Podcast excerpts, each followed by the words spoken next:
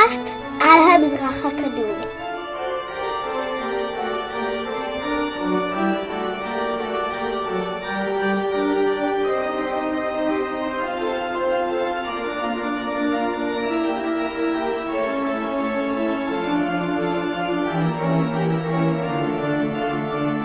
מוזיקה יפה, אבל צריך להתחיל. שלום וברוכים הבאים לדברי הימים, שמעון או פודקאסט לענייני המזרח הקדום. א' באב, שנת 4310, לפי הכרונולוגיה הנמוכה, לעליית לוגל סגסי למלוכה. לוגל סגסי היה המייסד וגם המלך האחרון של שושלת ערך שלוש. לוגל סגסי הובס על ידי סרגון הגדול, מלך אכד. אבל זו לא בושה להפסיד לסרגון. הוא היה פעם הקינג של הסנוקר בארץ. שם הפרק, בן הפרה האצילה. על עלילות גילגמש, חלק ב'. אני דוקטור אילן אבקסיס. בפרק שעבר עסקנו בעלייתם של גיבורי האפוס על הבמה. גילגמש ואין קידו אדירי הכוח שהפכו לחברים הכי טובים. וכמו שקורה לא פעם, החברות מובילה לרעיונות משונים, כמו שתראו בהמשך הפרק. בפרק זה נתחכה אחרי הרפתקאותיהם עם חומבבא, שומר יער הארזים, עליו נרחיב בהמשך. וכן נראה מה מתחיל לקרות למי שמחציף פנים לאהבת אישה. במקרה זה, אישתר אלת האהבה בכבודה ובעצמה. רמז, שמשון. ודיה לחכימה ברמיזה. בלוח השלישי של העלילה, זקני ערך שוב ברכו את גילגמש. ציטוט: הזקנים ברכו הוא, יעצו לגילגמש עצה לדרך. אל תבטח גילגמש בכוחך. תהיינה עיניך פקוחות ונצור נפשך. ילך אין קידו לפניך. הן ראה הנתיב, בדרך הלך, ידע מבואות יער, תחבולות חומבבא, כולן. סוף ציטוט. עם כל הכבוד לגילגמש, כוחו ועוצם ידו, הוא צריך את אנקידו כגשש. אנקידו הוא ילד טבע. הוא בטח מבין בדברים האלה. אנקידו מיהר להגיב ואמר לגילגמש, ציטוט, צא לדרך, אל יירא לבך, צא בעקבותיי. ביער ידעתי מקום מושבו, והדרך בית הלך חומבבא. סוף ציטוט. אבל לא הולכים אל חומבבא בלי ברכה מאימא. ציטוט: פתח גילגמש את פיהו ואמר לאנקידו, חברי, לך ונלך אל האגלמח. זו מילה שומרית שמשמעה ארמון גדול. ארמון זה אגל, כידוע לכל, האגלמח הוא מקדשה של נינסון בערך. כלומר, גילגמש קופץ רגע לבית של אמא. ונמשיך. לפני נינסון הגבירה הגדולה, נינסון החכמה, רבת הדעת, יודעת הכל. הנה, ילד שמעריץ את אמא. דרך תבונות תסול, תסלול הכוונה, לרגלינו. סוף ציטוט. וכך הלכו שניהם יחדיו לראות את נינסון. גילגמש שטח בפני אמו את תוכניתו, שבמרכזה עומד מעשה אחד. ציטוט: חומבבא האיום אהרוג, וכל הרע אשר ישנא שמש, אאבד מן הארץ. סוף ציטוט. שמש הוא אל השמש, ותפקידו העיקרי, מלבד להאיר על פני הארץ, פוטוסינתזה וכל זה, הוא להיות אל הצדק. במצבת חמורבי, שמש הוא המעניק לחמורבי את סממני השלטון. השומרים הקדימו את השופט ברנדס ב-4,500 שנה בערך, בהבינם כי אור השמש הוא גורם הצדק מספר אחד. גילגמש הבין שאימו לא ממש תתלהב מרעיונותיו. אז הוא סיים את דבריו בתועלת שתצמח לשמש מכל העניין. נימסון, כאם אוהבת, פנתה אל שמש שיעזור לבנה. ציטוט: ערכה מנחה לפני שמש, נשאה כפיה. למה נתת את גילגמש לי לבן, וחלקת לו לב אין מנוח? דילגתי קצת אל בקשת נימסון. בעת אשר אתה תבוא אל חדריך לישון, ולא רק, היא לא תרעך איה. איה היא בת זוגו של שמש, ויש הסבורים כי היא אמו של גילגמש. הכלה, במרכאות, תזכירך. איה אמורה להזכיר לשמש את גילגמש בעודם מתנים אהבים, ונמשיך, הפקידנו בידי כוכבי נשף, ובידי סין אביך. סוף ציטוט. פה חסרות 90 שורות הכוללות את המשך התפילה. סין הוא אל הירח, כידוע לכל, ובאופן מוזר למדי, סין אל הירח נחשב כאביו של שמש אל השמש. שומרים, לך תבין אותם. נינסון הקריבה קורבנות לשמש. והנה מתברר כי גם לאלים יש מדרג. אל זוטר מקריב לאל בכיר. ככה זה. לאחר מכן, פנתה נינסון בהתרגשות לאנקידו, והפקידה את גילגמש בידיו. אנקידו נענה לגודל האתגר, והבטיח לשמור על גילגמש מכל משמר.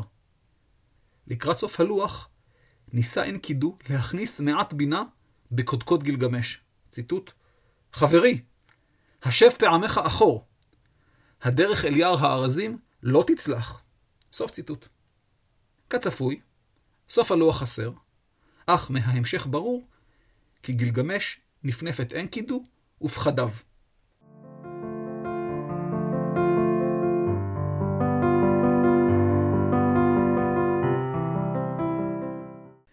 והנה אנו בלוח ארבע, המתאר את מסעם של צמד הרעים אל היער.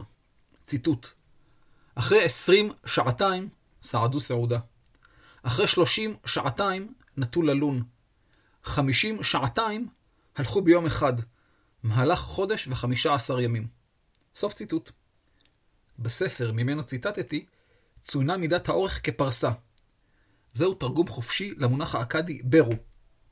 מונח שמשמעו שעתיים או מהלך שעתיים. המונח מציין גם זמן וגם מרחק. כלומר, דרך אותה הולך אדם במשך שעתיים. היות ואין דין אצן כדין בטלן, הרי המרחק הוא בסביבות 11 קילומטרים, פחות או יותר. קצב הליכה סביר. ושוב, השומרים היו הראשונים לקבוע יחידת זמן כיחידת מרחק. אם תרצו, התשובה השומרית לשנת האור המודרנית. 50 שעתיים זה 550 קילומטרים ביום. מרחק לא סביר ליום הליכה. אבל מדובר בגילגמש ואין קידו, אז זה בסדר. הדרך עצמה ארכה שישה ימים וחמישה לילות. כלומר, הם עברו מרחק של 3,300 קילומטרים בשישה ימים. לא רע. המרחק מערך ללבנון הוא 1,500 קילומטרים, בערך.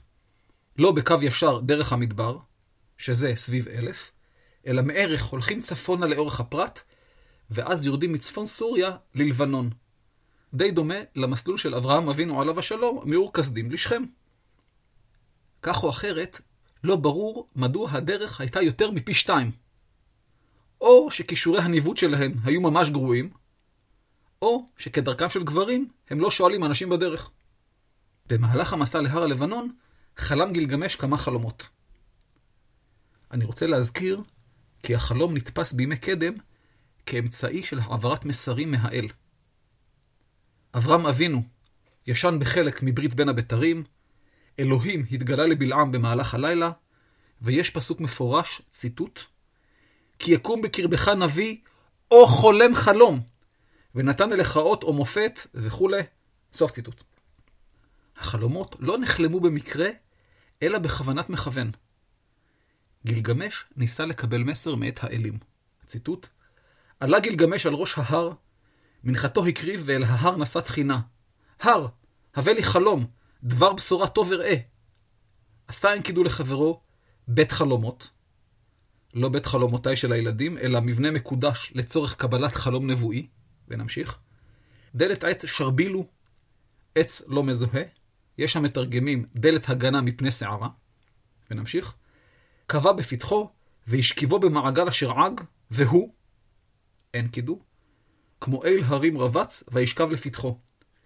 גילגמש השעין את סנטרו על ברכיו, שינה כובשת אנוש נפלה עליו. סוף ציטוט. יש פה רמז מטרים לכך שגילגמש לא יזכה בחיי נצח. שינה מאפיינת בני תמותה, לא את האלים. הסיפור חזר על עצמו חמישה לילות ברצף. בכל פעם חלם גילגמש חלום אחר, אך כולם דומים זה לזה. אין קידו, בתפקיד יוסף בעל החלומות, פתר לגילגמש את החלומות. והנה, החלום הראשון ופתרונו. ציטוט: לרגלי ההר ניצבנו, ההר נפל על ראשנו, ואנחנו, כזבובי ביצה זעירים, נמחצנו תחתיו. דילגתי קצת לפתרון.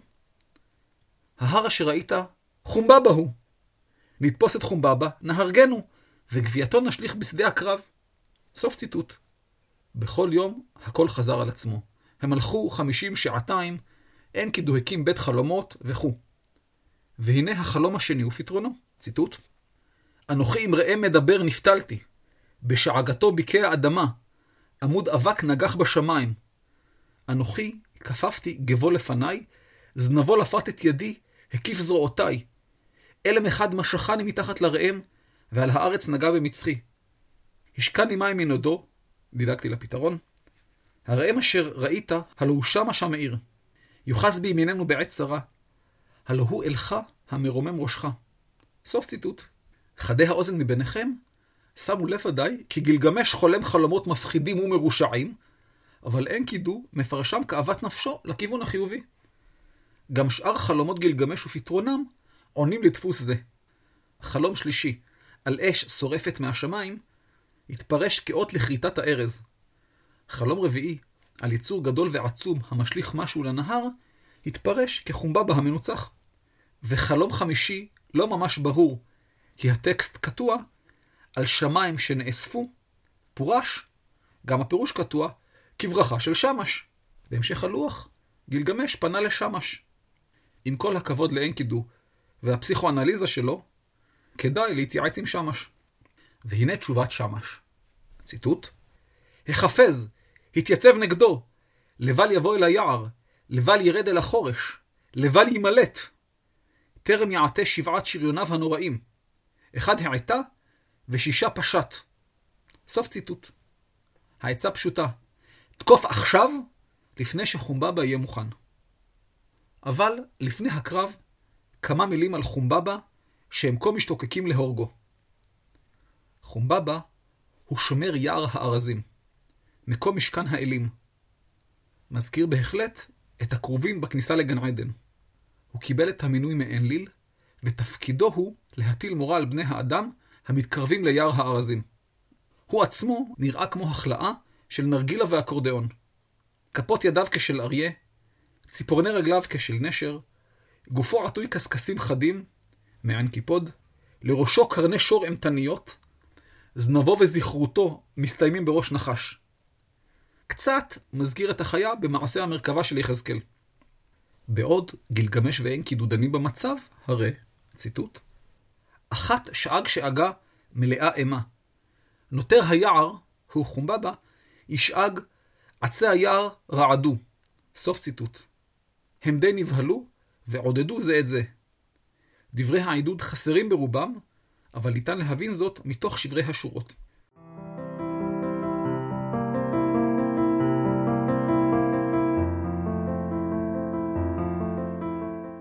לוח חמש הוא אחד השיאים הדרמטיים של העלילה. המאבק בין חומבבא לגילגמש.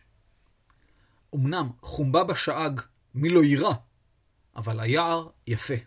ציטוט: על מורדות ההר יעטה הארז, ירק שפעתו, ינעם צילו, ימלא צהלה, ציוץ הציפורים הכוונה, סבוכים השיחים, עבות היער, סבוכים הארז והתעשור, מכוחם הטוב ייתנו. סוף ציטוט. מקום פסטורלי למדי. לא ממש מתאים לחומבה בהיום והנורא. בלוח חסרות 38 שורות. פה אגב נכנס כנראה הקטע החדש שהתגלה לפני שנים ספורות, כנזכר בפרק הקודם. לפי קטע זה, חומבבא ניחש שמי שבא לביקור זה אנקידו, ונראה כי לשניים הייתה היכרות מוקדמת. אנקידו היה ילד טבע כזכור, ואורחו ורבעו של חומבבא לא היו זרים לו. חומבבא לא חשד כלל באנקידו, ואולי אפילו שמח. קצת. ציטוט, לא מהתרגום העברי, אלא ממאמר שפורסם בנושא. מדוע, ככל הנראה חברי, בפחד? כיצד באמת, שבור, במיטתי. שבור, כנראה אין קידו ישן במיטת חומבבא, אות וסימן לקרבה ביניהם. לבטח אין קידו, שבור, כנראה מילות שבח, ברצון טוב הוא שבור, אם מילה אל שבור, כנראה חומבבא הבין מה אין קידום מתכוון לעשות, לו אין לי לקלל אותו. סוף ציטוט. אם שחזור זה נכון, הרי זה מאיר באור שונה את כל המפגש. אין קידו למעשה בגד בחומבבא והביא עליו את מותו. למען האמת, אין הסבר מניח את הדעת מדוע גילגמש ואין קידו התאוו להרוג את חומבבא. הוא לא עשה להם כל רע, אלא מילא את תפקידו על הצד הטוב ביותר. יש פה חור בעלילה, ואיני יודע להסבירו. סביר שבמאה ה-21 לפני הספירה, לא שאלו שאלות הנשאלות במאה ה-21 אחרי הספירה. ככה זה. מלבד זאת, בשורות נוספות שלא ציטטתי, מתואר היער כמקום פסטורלי, בו החיות שמחות ויש איזון והרמוניה. מה שגילגמש ואנקידו עומדים להרוס. החברים מתכוננים לקרב, אבל כנראה משמעת לילה והליכה שקטה זה לא הצד החזק שלהם. ציטוט: אחרי כן נשלפו החניתות מן החגור, והחרבות הוצאו מהנדנים, הגרזנים נמשכו בחמת מוות, הניפו את החרבות ואת החניתות, אחד-אחד. התגנבו וירדו אל לב היער. כשמוע חומבבא את כל צעדיהם, שאג. איש לא בא אל יער הארזים מאז ומעולם. איש לא קרב אל מושב חומבבא מימים קדמונים. חסרות שבע שורות, וחומבבא סיים, לו ישיב לכם אין ליל כגמולכם. סוף ציטוט. כנראה הם איימו עליו, או משהו כזה. חומבבא, שלא חשד באין קידו, הניח לצמד החברים להתקרב אליו, במקום לחסלם מרחוק. ולכן הוא מקווה שאין ליל יקללם. עונש על בגידת אין קידו. ופה מתחיל ויכוח בסגנון עדות הכן נכון, לא נכון. ויכוח בו כל צד מנסה לשכנע את הצד השני שחבל לו להתמודד כי הוא יובס.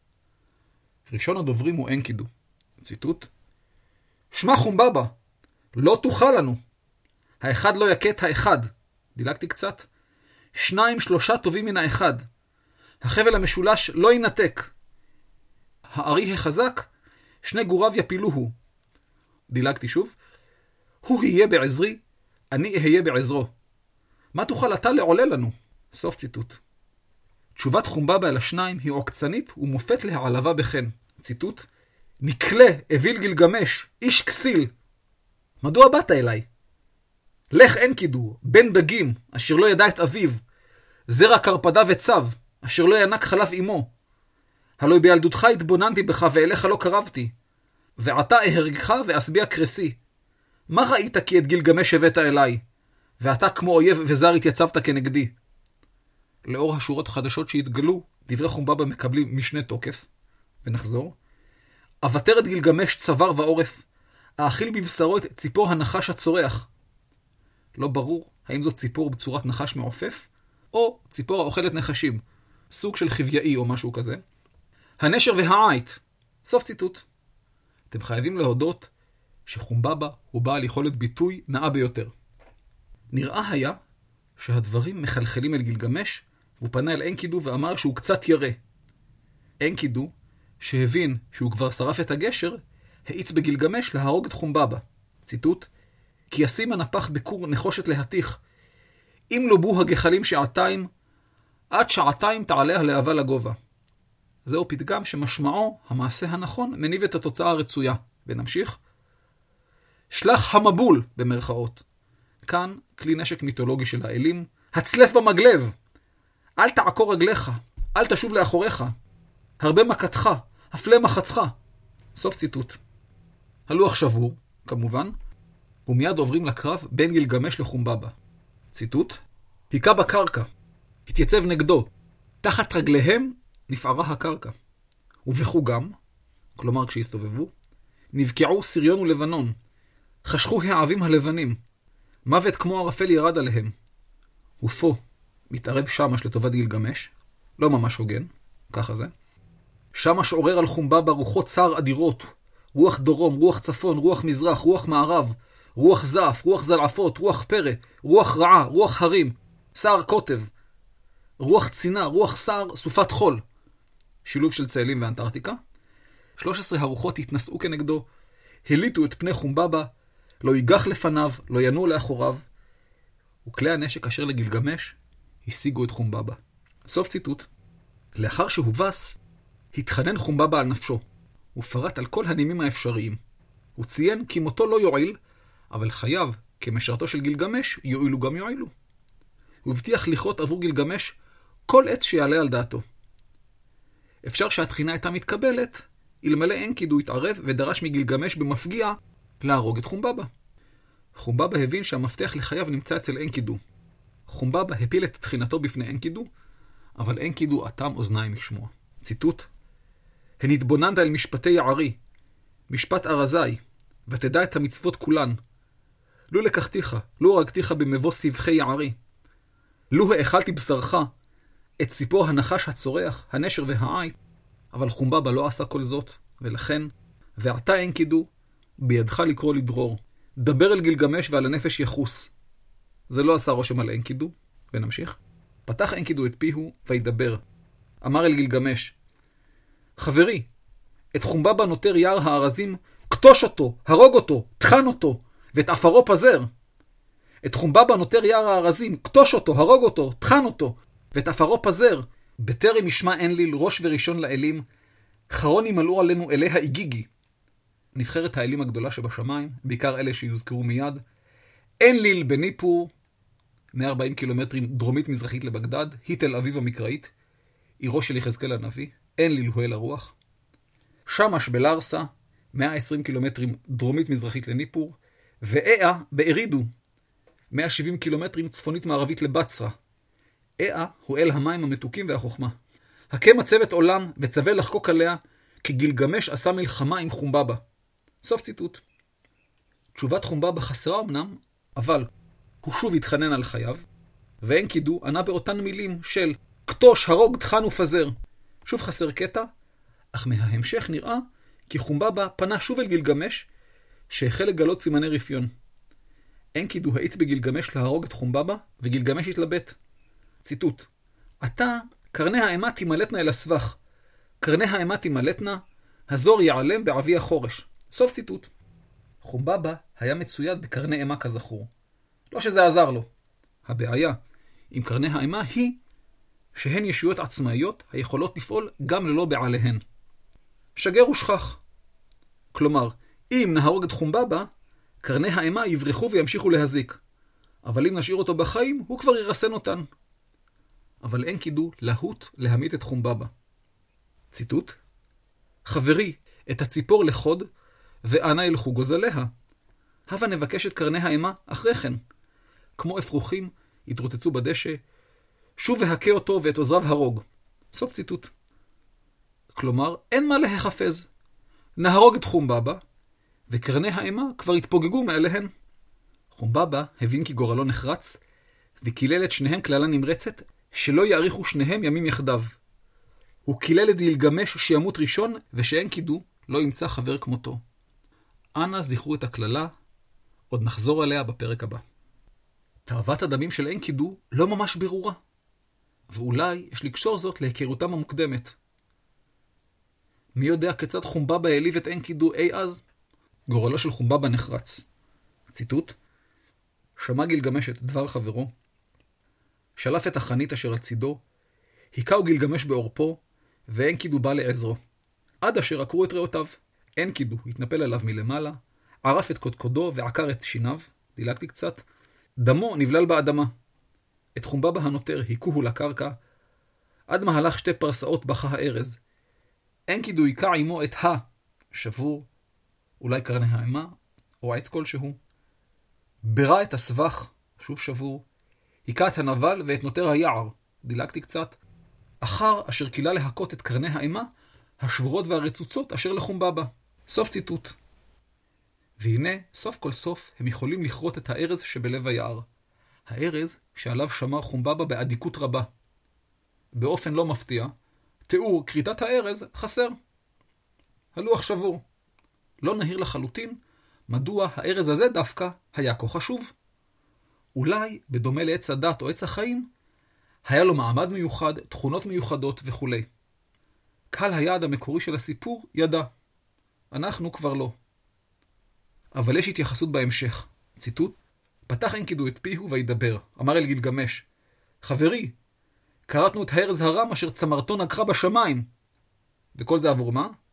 העשה דלת, 72 אמה גובהה, 24 אמה רוחבה, אמה אחת עובייה. 36 מטרים על 12, ועובייה חצי מטר. חתיכת דלת. דילגתי קצת? אל בית אנליל יובילנה הפרט. ישמח הרועה, במרכאות, הוא אנליל, אשר לאנשי ניפור יעלוץ באנליל מלך האלים. סוף ציטוט. אגב, כריתת עץ קדוש ישנה גם בסרט אבטאר. עת הקולונל קואריץ' הרס את עץ הנשמות של הנאבי. אתם רואים? גילגמש משפיע על כולם, אפילו מחוץ למערכת השמש.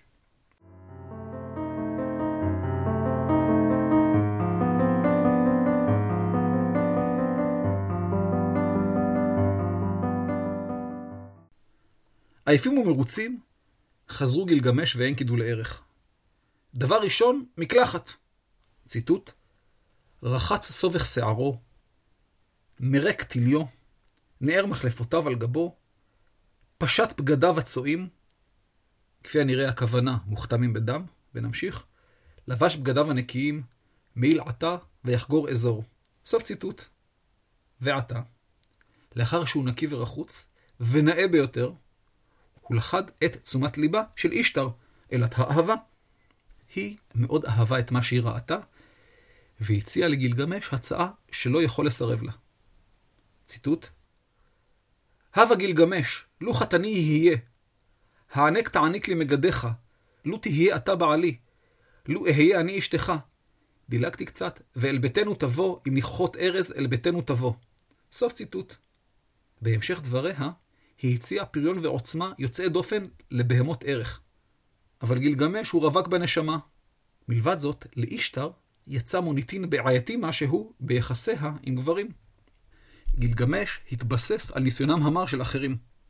בהתחלה הוא הצטנע, וטען שאין ביכולתו הכלכלית לשאת אישה כמו אישתר. אבל מהר מאוד הוא עלה להתקפה.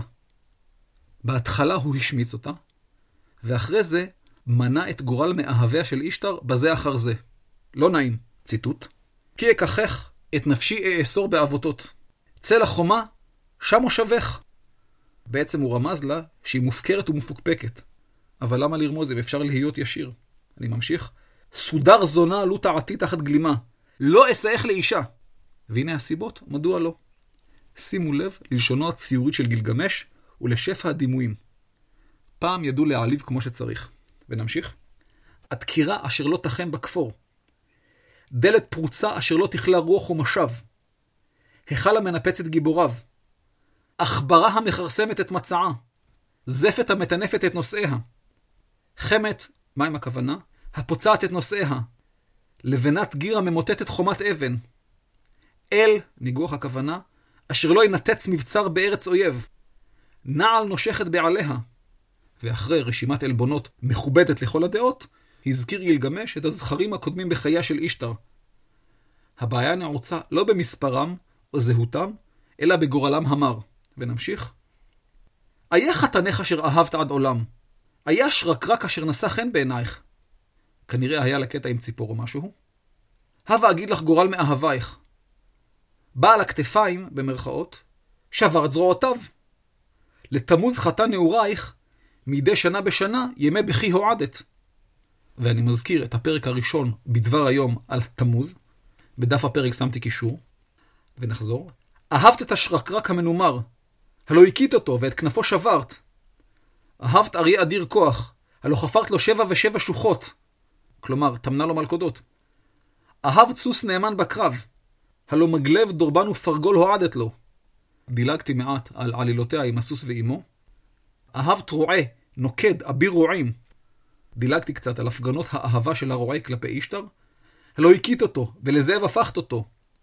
הניסוהו נערי הצאן, מקנת כספו, וכלביו ינשכו את אחוריו. אהבת את אישולנו הגנן. ושוב דילגתי עד כמה אישולנו היה שפוט שלה, רק אציין כי אהבת אישתר והגנן מבוססת על מיתוס שומרי אחר. במיתוס, הקרוי בשמותיהם השומרים של הגיבורים, איננה ושוקלטודה, הגנן אנס את האלה ושילם על כך בחייו. ונחזור. הכית אותו, לכל עת הפכת אותו, הושבת אותו בחשכת אדמת גן. לא יעלה מעלה ולא ירד מטה. והנה העיקר, ועתה, אם אותי תאהבי, הלא כמותם תשימני. סוף ציטוט. במילים אחרות, לא תודה. אישתר, הנעלבת והזועמת, פנתה אל אביה, אנו, אל השמיים, כזכור לכולנו, והתלוננה שגילגמש העליב אותה. ואני מצטט, כלל קיללני, מנו מנה חרפותיי. שימו לב, היא לא אמרה שהוא שיקר, אלא רק שהוא העליב אותה. יש דברים בגו. ובמקרה שלה, יש גברים בגו. אנו, תהה, שמא היא התגרתה בו ראשונה, ולכן הוא מנה את חרפותיה. אישתר התעלמה משאלה, לוחסן תהייה זו, וביקשה בקשה. ציטוט: אבי, את פר השמיים, פר השמיים הוא פר מיתולוגי אימתני למדי, שסיפור הריגתו על ידי גילגמש ואנקידו התקיים כסיפור עצמאי ושולב בעלילות גילגמש בלוח השישי. ונמשיך. אנא תן לי, לו יהרוג את גילגמש במשכנו, ויעלה את משכנו באש. והנה האיום של אישתר. אם לא תיתן לי את פר השמיים, אנפץ את דלתות השאול, אכתוש אותן עד דק, אשים פניי אל שאול תחתית, אעלה את המתים, הם יאכלו את החיים. ירבו המתים מן החיים. סוף ציטוט. כלומר, המתים המהלכים זו לא המצאה של משחקי הכס. אנו ניסה לחמוק, אבל מה אבא לא יעשה על מנת לשמח את ביתו? הוא נתן לה את פר השמיים. אישתר לא בזבזה זמן ולקחה את הפר אל ערך. ציטוט: אך הגיע הפר אל חוצות ערך, ביער את צווח הביצה, את הסוף רמס, ירד אל נהר הפרת, גמה שבע פעמים, שפלו מי הנהר, טוב, הוא היה צמא, בנשיפת הפר נפערה שוחה. מאה עלמים בני ערך נפלו לתוכה. בנשיפתו השנייה נפערה שוחה. שתי מאות עלמים בני ערך נפלו אל תוכה. בנשיפתו השלישית נפערה שוחה. אין קידו נפל אל קרבה. קפץ אין קידו ויוחז את הפר בקרניו. פר השמיים התיז את קצפו על פניו. בכפתור זנבו הטיל את פרשו. סוף ציטוט. הקרב החל במפתיע, אך אין קידו התאושש מהר. הפר השליך את צואתו על אין קידו. לא נעים. ואין קידו, עם הצואה עליו, פנה לגילגמש בהצעה מעשית. הוא יתפוס את הפר מזנבו, וימשוך חזק, ואילו גילגמש יבוא מקדימה וינעץ בו חרב בעורפו. וכך קרה. ציטוט: אין קידו סבב אל אחורי הפר, תפסו בכפתור זנבו, אין קידו החזיק בו מאחוריו, וגילגמש כרב טבחים, כלומר זה שטובח את החיות, גיבור ומאומן, בין שורש קרניו לעורפו נעץ חרבו. אחר אשר את הפר הרגו, וזה הלך הרבה יותר קל מאשר עם חומבבא, זכר צדיק לברכה, עקרו את ליבו, לפני שמש שמו סוף ציטוט. מי שזוכר את חליסי, דופק את ביסים בלב הסוס במשחקי הכס, אז זה אותו רעיון, רק בלי הביסים. ובכלל, יש לי חשד שג'ורג' מרטין קרא את עלילות גילגמש בטרם ישב לכתוב את הבסיס למשחקי הכס. אישתר ההמומה עלתה על חומת ערך וקיללה את גילגמש ואין קידו. אין קידו לא בזבז זמן וזרק עליה את שוק ימין של הפר. פה הוא עשה טעות. הוא איים על אישתר, ואני מצטט, ואת, לו לחדתיך, כאשר עשיתי לו, כן אעשה לך. אבל שור השמיים לא מת לשווא. את קרניו עקרו, ציפו באבני ספיר, והן הוקדשו ללוגלבנדה. את הקרניים ימלאו בשמן. בדיוק כמו שמשכו את דוד המלך בעזרת קרן מלאה בשמן. והנה, שיר הלל לגילגמש, המזכיר את היכה שאול באלפיו ודוד ברבבותיו, ציטוט, ענה גילגמש לנערות היכלו ויאמר, מי הוא הנווה בעלמים? מי הוא המפואר בגברים? והנה מקהלת הבנות עונה, גילגמש הנווה בעלמים, גילגמש המפואר בגברים. זו תשובה נכונה. סוף ציטוט. גילגמש ואנקידו הלכו לישון סוף סוף. אנקידו חלם חלום, חלום אותו הוא יספר לגילגמש בלוח השביעי.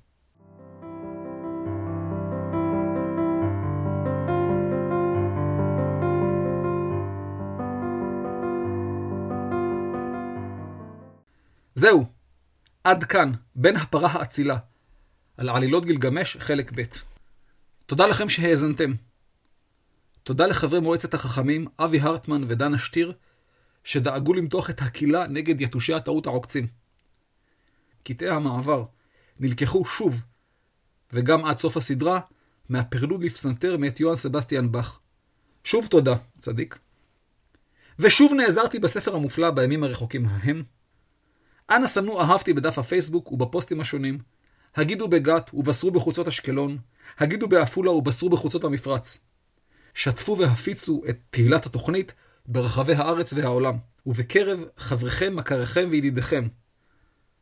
ותבוא עליכם הברכה של אה אל החוכמה השומרי. שווה בהחלט. הדואל הוא אילן כרוכית ilanabc.co.il גם טופס צור קשר ממתין לכם באתר, ואף רשימת התפוצה בדד תשב. ספרי הסגן של בר כוכבא נמצא באתר, הייתה תקלה והיא תוקנה. גם הרצאותיי השוות ממתינות לכם דומם.